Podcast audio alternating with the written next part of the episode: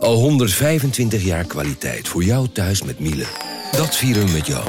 Ontvang nu tijdelijk een cashback tot 125 euro op veel Miele-apparatuur. Geniet van de kwaliteit van Miele. Voor perfect verzorgd wasgoed en kleding die veel langer mooi blijft. Voor een stralend schone vaat, even perfect als jouw diners. En een stofvrij thuis waarin echt hygiënisch schoon de standaard is. Check miele.nl voor alle feestelijke aanbiedingen. Hey podcastluisteraar. Ook op zoek naar een relevante invulling van je schaarse luisteruren?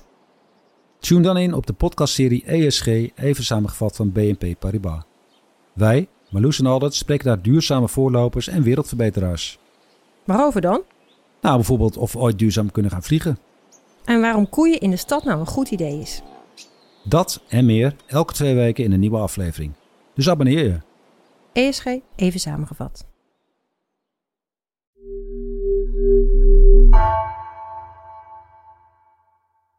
Hi, met eh, Peter.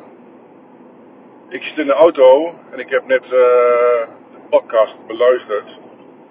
En ik ben echt, echt wel een klein beetje overstuur geraakt eigenlijk, als ik eerlijk mag zijn. Ehm, ik ben heel boos, verdrietig. En dat is misschien een beetje vreemd, want ik ken het verhaal. En nu ik het zo hoor, ja, aan één stuk. En dat Philips willens en wetens doorgegaan is met de productie van de machines. Terwijl ze wisten dat het hele ernstige schade kan toebrengen aan, aan de patiënten en dus aan mij. Hoe kunnen ze zoiets doen? Dit doet mij echt heel, heel veel. Vanaf de redactie van NRC het tweede deel van het tweeluik over Philips. Mijn naam is Egbert Kalsen.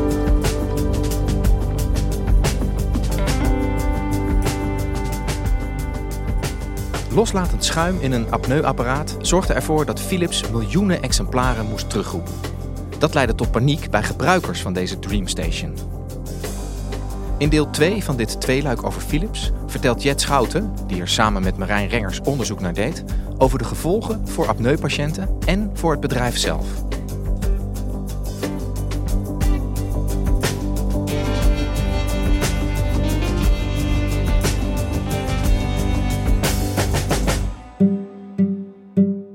Wij zitten hier vandaag omdat ik het probleem heb dat ik een slaapapneuapparaat heb. Ik heb het apparaat nodig, anders uh, ja, het klinkt heel, heel raar, maar dan ga ik dood. Een paar maanden geleden sprak ik met Peter Schabbens. Dat is een man van begin 50 die al zo'n 15 jaar lang lijdt aan slaapapneu. Een aandoening waarbij je ademhaling in je slaap soms stopt. Bij mij is het zo dat wanneer ik in slaap val, dan verslapt mijn luchtpijp, mijn verhemelte verslapt en dan stik ik als het ware. En er is een onderzoek gedaan en ik heb 25 apneus per uur. Dat betekent dat per uur mijn ademhaling 25 keer stopt. En het hoogst gemeten uh, aantal seconden of minuten was anderhalf minuut. Nou ja, dat is niet zo heel gezond. Dat betekent dat het uh, ten koste gaat van je organen. En de kans op een hartinfarct wordt met 80% verhoogd. Dus ja, ik ben afhankelijk van een apneuapparaat. Ik kan niet zonder. Er is geen optie van doe dan maar niet. Hij heeft een apneuapparaat, een Dreamstation van Philips, naast zijn bed staan. En daarvan zet hij elke nacht het masker op zijn neus. Ja, goed, je slaapt natuurlijk een stuk minder. Want je moet je voorstellen, ik heb een soort F-16 masker op mijn gezicht. En dan voornamelijk alleen over mijn neus. Mijn mond is vrij. Dan gaat een slang, een luchtslang, die gaat bovenlangs, boven mijn hoofd. En die heb ik provisorisch aan het bed vastgemaakt. Anders gaat hij links of rechts van je hoofd zitten en dan kun je niet draaien. Dan, dan, dan draai je je vast in zo'n slang natuurlijk. En dan ja, stik je alsnog. Dat is ook niet de bedoeling. Hij kan dus niet door zijn mond ademen. En hij moet ervoor zorgen dat hij niet verkouden wordt. Want dan, ja, dan werkt het apparaat niet. Als ik verkouden ben en dan krijg ik een moeilijke ademhaling door mijn neus heen. En dan is het ergste dat ik van die nachtmerries krijg. Dat ik, dat ik aan verdrinken ben. Een soort verdrinkingsdood, nachtmerrie. Dat ik aan het zwemmen ben de oppervlakte. Die is dan heel ver boven mij en maar zwemmen en zwemmen. En dan schrik ik in één keer wakker en dan kan ik ademhalen. Nou, dan, uh, ja, dan ben je er weer een beetje als het ware. Ja, dat vind wel, dat is het meest nare ervan. Uh, wat je dan zo ervaart, zo'n zo, nachtmerrie. Ja, Peter die heeft dus zo'n uh, zo'n Dreamstation van Philips. Maar het klinkt niet echt alsof slapen voor hem zo'n zo'n hele aangename bezigheid is, hè? Nee, dat klopt. Mensen met slaapapneu die kampen dus met ademstops. En dat is een behoorlijke aanslag op je leven. Je hebt dus een apparaat dat je dan helpt bij het slapen. En dat is dus bijvoorbeeld zo'n Dreamstation. Het gevolg is wel dat je dat apparaat overal mee naartoe moet nemen als je ergens naartoe gaat. Peter vertelde me eens dat hij op vakantie was en de stroom was uitgevallen in het hotel waar hij verbleef. Ja, dan, dan heb je onmiddellijk stress, want dan kan je je apparaat niet aansluiten. En als je het apparaat niet gebruikt, kunnen de gevolgen ernstig zijn. Dus ja, hij had al behoorlijk wat te verduren qua slaap en doorslapen. En toen kwam het bericht van Philips dat het apparaat dat ervoor zorgt dat hij s'nachts blijft doorademen, hem mogelijk ook kan vergiftigen of zelfs kanker kan veroorzaken door dat geluidswerende schuim dat in het hart van het apparaat zit. Philips roept wereldwijd 3 tot 4 miljoen beademingsapparaten terug. Devices made by Philips Respironics designed to help people breathe as they sleep were posing potential health risks. Gezondheidsbedrijf Philips breidt de terugroepactie rond mogelijk schadelijke apneuapparaten uit. Het bedrijf gaat ook apparaten die 5 tot 10 jaar oud zijn de komende tijd aanpassen. Ja, want in de vorige aflevering uh, hebben we gehoord hoe Philips er eigenlijk uh, achter is gekomen dat dat apparaat ondeugelijk was. Hè? Dat dat schuim wat zij gebruikten ook gezondheidsrisico's met zich mee kon brengen voor mensen die dat apparaat gebruikten. Stukjes schuim die loskwamen, die in de longen van mensen terecht konden komen. En hoe dat er uiteindelijk in juni 2021 toe had geleid dat Philips uh, die apparaten ging terugtrekken. Dat er een gigantische recall kwam. Wat, wat is de bedoeling van Philips daarmee geweest? Wilden ze dat iedereen dat apparaat kwam terugbrengen naar de fabriek? Ja, eigenlijk was dat heel erg onduidelijk. Dus de boodschap was: dit is uh, mogelijk kankerverwekkend, kan mogelijk tot allerlei gezondheidsklachten leiden.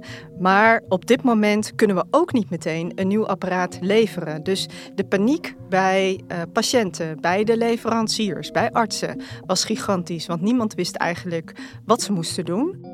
Aan het eind van de middag had deze leverancier van apneuapparaten al 1500 bezorgde patiënten aan de telefoon gehad. En voor nu is ons advies om de komende nacht uw apparaat niet te gebruiken. En vervangende apparaten waren er ook niet meteen. En in al die apparaten nieuw schuim te stoppen of om nieuwe apparaten te maken, dat kon niet meteen. Er zijn eigenlijk twee grote spelers op de markt: Philips en Resmed, dat is de concurrent. Dat is een duopolie en meer smaken zijn er eigenlijk niet. Uh, die hebben de markt zo'n beetje verdeeld. Het gaat om gigantische aantallen. En bovendien, de meeste apparaten krijg je via je verzekeraar. Dus de verzekeraar heeft een contract met bijvoorbeeld in dit geval Philips. En die regelt dan dat jij een nieuw of een vervangend apparaat krijgt. Nou, en dat hele proces, dat duurde heel lang voordat dat op gang kwam. Dus mensen moesten wachten terwijl ze wisten dit is mogelijk gevaarlijk. Dus ja, dan kom je dus in een duivels dilemma. Goed, je gaat slapen, een masker gaat op. En dan denk je toch onbewust weer van, ja, hm, is het goed of is het niet goed? Maar wat ik wel weet, niet gebruiken is niet goed. Dat weet ik wel. Geen keus. Geen keus. Nee, geen keus. Ja, de paniek bij de, bij de gebruikers van die Dreamstation, die, uh, die kunnen we ons denk ik levendig voorstellen. Tegelijkertijd, voor een bedrijf als Philips is dit ook een enorme klap, denk ik. Zo'n gigantische recall wat jij vertelde. Hoe, hoe is het het bedrijf Philips vergaan nadat dit allemaal in de openbaarheid is gekomen? Ja, ze zeggen zelf dat het de grootste crisis is die ze zelf hebben meegemaakt. Ze hebben nog nooit eerder zo'n groot probleem van zo'n grote omvang meegemaakt. En ja, voor de recall hebben ze al een miljard uitgetrokken. En daar komen nog de kosten van alle mogelijke rechtszaken die nu spelen en mogelijk nog gaan spelen, daar nog bij. Philips heeft wel geprobeerd na de recall om te zeggen: nou ja, Eigenlijk zijn het maar heel weinig apparaten die klachten geven. En er zijn ook geen verbanden te leggen tussen het apparaat en de overlijdens die bekend zijn. Dus er zijn een aantal meldingen van uh, sterfgevallen bekend die in verband worden gebracht met. En daarvan zeggen ze, nou ja, dat betekent dus niet dat het causale verband is aangetoond. Daarnaast hebben ze zelf opnieuw onderzoek gedaan na die uh, grote recall van juni 2021. En daarvan zeggen ze: kijk, uit al deze onderzoeken blijkt dat, we, dat de verwachting is dat er geen uh, nadelige gevolgen voor patiënten zullen optreden. Geen merkbare gevolgen voor patiënten. Bij mij aan tafel zit Jan Kimpen, medisch directeur van Philips. Het goede nieuws is, is dat wij na testen van veel meer apparaten als in het begin hebben kunnen aantonen dat de vluchtige stoffen, de concentratie van de vluchtige stoffen die eventueel vrijkomen uh, uit die DreamStation-apparaten, dat de concentratie daarvan zo laag is dat ze geen lange termijn effecten hebben. Dus ook niet op het ontwikkelen van kanker. Tegelijkertijd zie je na de recall dat de klachten binnenstromen bij Philips. En, en dat is een gigantische lawine aan meldingen die dan op gang komt. Sterker nog, bijna alle meldingen die wij hebben gevonden in die Amerikaanse database zijn bijna allemaal van na de recall. Dus die ruim 100.000 meldingen zijn bijna allemaal na de terugroepactie gedaan. En ter vergelijking, voor de recall had Philips ongeveer 30 aan schuimgerelateerde klachten aan de Amerikaanse toezichthouder doorgegeven. Slechts 30. En na de recall komen daar dus die ruim 100.000 meldingen bij. Dus ze staan ineens volop in de wind, zou je kunnen zeggen, over dat slecht functionerende apparaat. Hoe, hoe gaat dat dan verder? Ik bedoel, iedereen weet ineens dat er wat is met dat ding. Ja, je krijgt op dat moment overal rechtszaken die starten. Zeker in Amerika, maar ook in andere landen en ook in Nederland. In Amerika is het natuurlijk een ander systeem. De letselschadeadvocaten duiken er bovenop. Die roepen patiënten en nabestaanden actief op om zich te melden, om zich aan te sluiten bij de schadeclaims. Cancer caused by defective Philips CPAP equipment is devastating for the victim and their family. Rosenfeld Injury Lawyers is actively prosecuting CPAP lawsuits on behalf of individuals. In Nederland loopt er ook een rechtszaak. Uh, SAP-advocaten is daar druk mee bezig en daar hebben zich 900 gebruikers aangesloten om een zaak aan te spannen tegen Philips. En daarvan zitten er 450 mensen die melden ademhalingsproblemen te hebben en 70 mensen die melden kanker te hebben. Tijdens of na het gebruik van zo'n uh, apparaat van Philips, dat onderdeel is van de recall. Nou, in Amerika loopt er verder nog een strafrechtelijk onderzoek.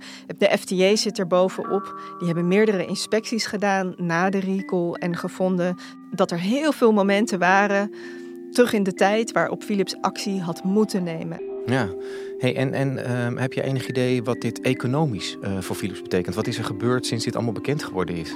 Ja, de beurswaarde is, is meer dan gehalveerd sinds de recall.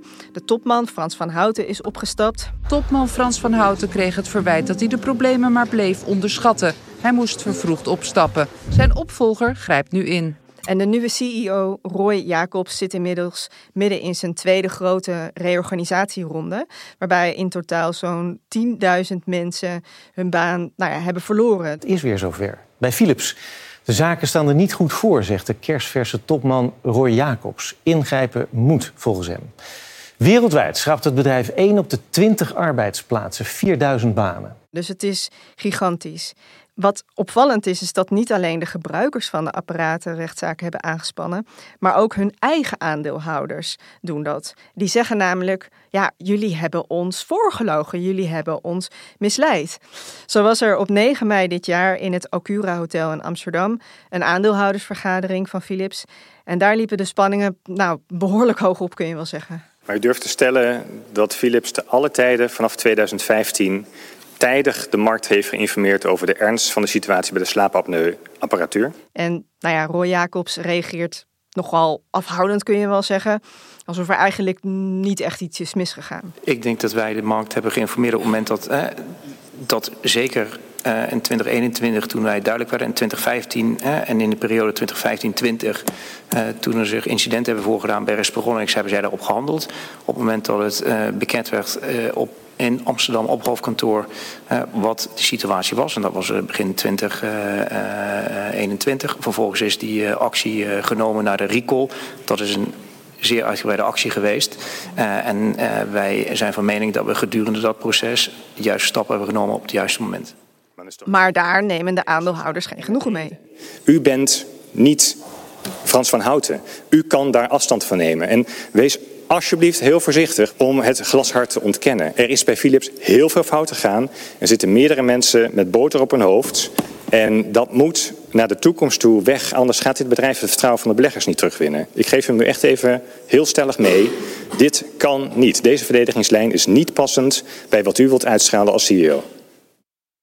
Ja, dat is toch wel opmerkelijk, want dat is wat Philips dus nog steeds doet. Hè? Zeggen dat het eigenlijk allemaal wel meevalt en dat er niet zo heel veel is fout gegaan. Ja, dat is hun, uh, hun houding na de recall. Dus uh, ze zeggen inderdaad van we, ja, we zijn uh, uit extreme voorzichtigheid hebben we die recall aangekondigd. Dat was ook nodig om dat te doen, omdat we patiëntveiligheid zo hoog in het vaandel hebben.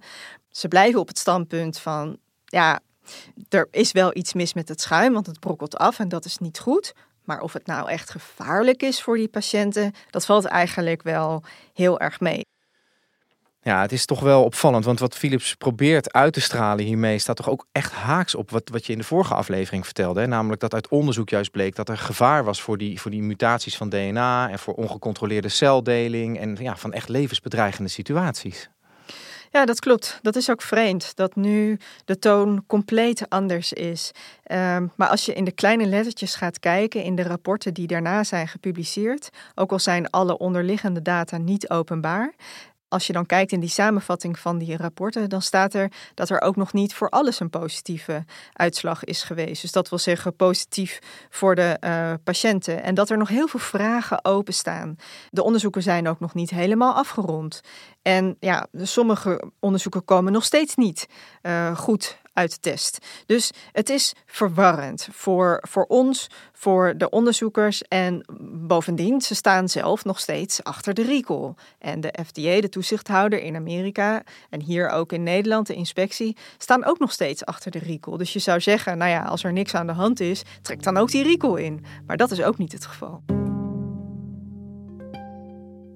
En Jet, jij, jij doet zelf al jarenlang onderzoek, uh, nu naar Philips, maar ook al eerder naar andere uh, medische hulpmiddelen. Heb jij nou een verklaring voor hoe dit zo misgegaan kan zijn binnen zo'n toch op het oog professioneel bedrijf als Philips? Ja, Philips kennen we natuurlijk allemaal van de consumentenproducten, de tandenborstel, de wekkerradio, de, het Senseo koffieapparaat. En dan ineens gaan ze in medische hulpmiddelen zitten. Wat op het oog ook een consumentenproduct lijkt, maar totaal anders gereguleerd is. Het is namelijk een medisch hulpmiddel met eigen wetgeving, eigen regels en eigen verplichtingen. En ja, de mensen met wie wij gesproken hebben, ik en mijn collega Marijn Rengers, die zeggen eigenlijk allemaal: ja, Philips had dat niet helemaal door. Dat dit echt een ander product is, waarbij er andere regels gelden en waarbij je als eh, fabrikant een verplichting hebt om als je iets ontdekt wat mogelijk effect kan hebben op die consument en een patiënt, dat je dat moet melden. Want op het moment dat je dat niet doet, dan kunnen klachten opstapelen. En ja, als je dan onderzoek gaat doen, ben je eigenlijk al te laat. Ja. Je wil voorkomen dat je onderzoek moet gaan doen. Dus dat is heel belangrijk in dat systeem van medische hulpmiddelen. Dat je als fabrikant echt actie onderneemt op het moment dat je ziet: hé, hey, hier lopen klachten op. Ja, dus eigenlijk een markt waar ze, waar ze gewoon nog te weinig van wisten voordat ze erin stapten, zou je bijna kunnen zeggen. Zo lijkt het wel. Maar goed, het product doet het goed. Het, het deed het jarenlang uh, hartstikke goed. Er wordt enorm veel geld mee verdiend. Het wordt uh, omschreven als de kip met de gouden eieren. En laat die maar lekker broeden in de Verenigde Staten. Ja, en dan op een gegeven moment is het onontkoombaar. En dan kunnen ze de problemen niet meer wegdrukken. Ja. Hey, ten slotte, we kunnen het heel lang hebben over wat dit allemaal voor het bedrijf Philips betekent. Maar het gaat natuurlijk uiteindelijk over, over de mensen die, die klachten hebben gekregen door die Dreamstation. Uh, Peter, uit het begin van onze aflevering. Hoe is het inmiddels met hem? Ja, Peter heeft een paar maanden nadat ik hem sprak, heeft hij inmiddels wel een vervangend apparaat gekregen. Het heeft een uh, hele tijd geduurd. Ik heb lang niks van uh, Philips gehoord. En ik heb wel eens contact opgenomen met de leverancier. Maar goed, die konden mij ook niet uh, veel meer vertellen natuurlijk. Nou, en in één keer stond er een doos met een uh, nieuwe machine erin. Nou, in het begin ging het dus heel erg rommelig met de afhandeling van die recall, die terugroepactie. Maar inmiddels hebben we begrepen, zijn bijna alle apparaten ofwel vervangen of mensen hebben een nieuw apparaat gekregen met ander schuim. Het geeft een iets veiliger gevoel, omdat er nieuwe machine staat. Maar ik weet niet of het schuim wat erin zit ook echt onschadelijk is. Dat wil ik niet. En, wie gaat mij die garantie geven? Helemaal niemand natuurlijk. Je moet, je moet het maar geloven. En ja, hij vraagt zich nog steeds wel een beetje af: zijn er nou klachten die bij mij nog kunnen optreden? En ook is het nieuwe apparaat dan eigenlijk wel veilig? Kun je dan dat nieuwe apparaat wel vertrouwen? Maar hij heeft ook niet heel erg veel keus, dus daar, daar moet hij het mee doen. Ik maak me nog steeds wel zorgen, maar ik heb het voor een groot deel aan de kant gezet. Een stukje uit zelfbescherming. En ik hoop dat ik er uiteindelijk helemaal rust in kan vinden en onbezorgd kan slapen. Dankjewel, Jet. Graag gedaan. Je luisterde naar vandaag, een podcast van NRC. Eén verhaal, elke dag. Deze aflevering werd gemaakt door Anna Korterink, Nina van Hattem en Jeppe van Kesteren. Coördinatie Henk Ruigrok van de Werven. Dit was vandaag, maandag weer.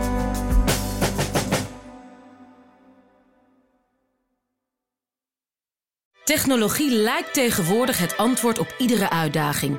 Bij PwC zien we dit anders. Als we de potentie van technologie willen benutten, kunnen we niet zonder een menselijk perspectief. Human-led, tech-powered noemen we dat. Ga naar pwc.nl.